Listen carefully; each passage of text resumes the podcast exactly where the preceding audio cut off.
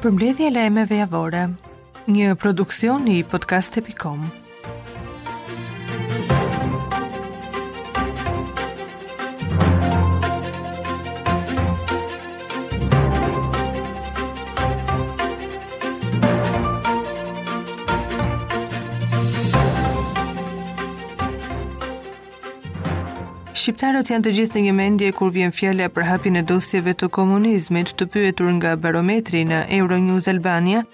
79.7 për qind e tyre mendojnë se dosjet duhet të ishin hapur.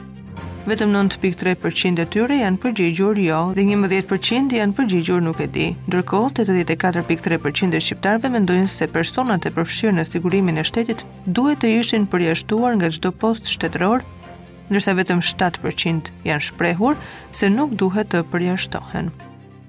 Qeveria e Kosovës ka vendosur zbatimin në disa faza të vendimit të konvertimit të targave serbe në ato RKS. Përmes një deklarate për mediat, kryeministri Albin Kurti u shpreh se deri më datë 21 nëntor do të jetë masa e qortimit, ndërsa nga data 21 nëntor deri më 21 janar do të jetë masa e gjobitjes. Partia Demokratike në Shqipëri, e drejtuar nga Sali Berisha dhe Partia e Lirisë me kryetar ish-presidentin Ilir Meta kanë firmosur një marrëveshje për të garuar me kandidatë të përbashkët në zgjedhjet vendore që do të mbahen më datë 14 maj të vitit të ardhshëm.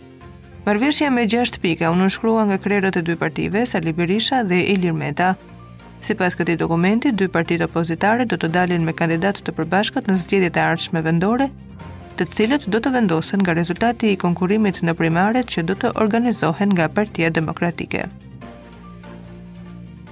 Belind Këlliçi është kandidati i parë brenda opozitës që ka njoftuar se do të hyjë në procesin e primareve dhe është gati të lërë mandatin për të garuar përballë Erion Veliajt, nëse ky i fundit do të jetë kandidati i Partisë Socialiste për Tiranën.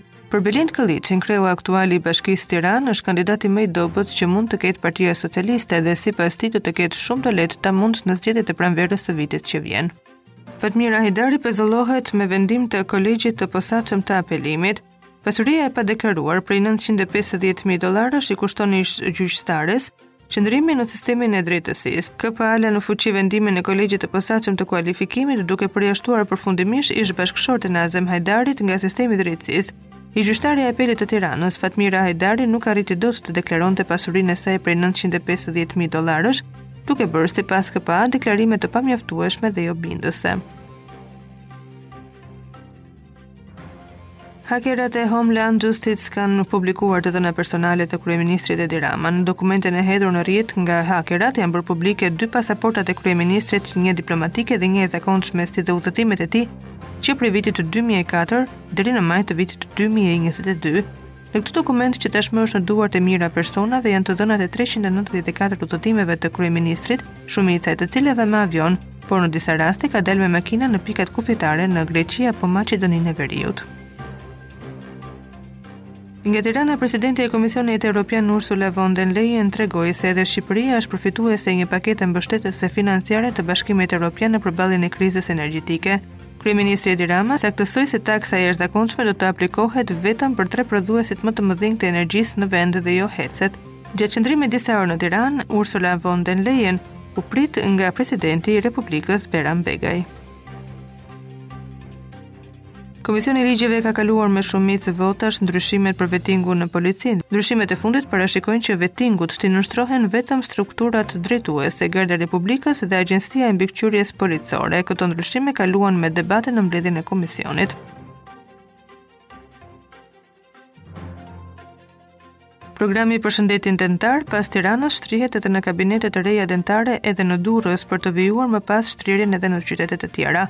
Lajmi u dha nga Ministrja e Shëndetësisë dhe Mbrojtjes Sociale Ogerta Manastirliu teksa ndodhej në shkollat Nexhmi Mastori në Suk dhe Abedin Dino në Durrës. Ministrja e Shëndetësisë dhe Mbrojtjes Sociale pa nga afër edhe zbatimin e programit të kujdesit për shikimin në këtë shkollë, program i cili është shtrirë në të gjithë vendin.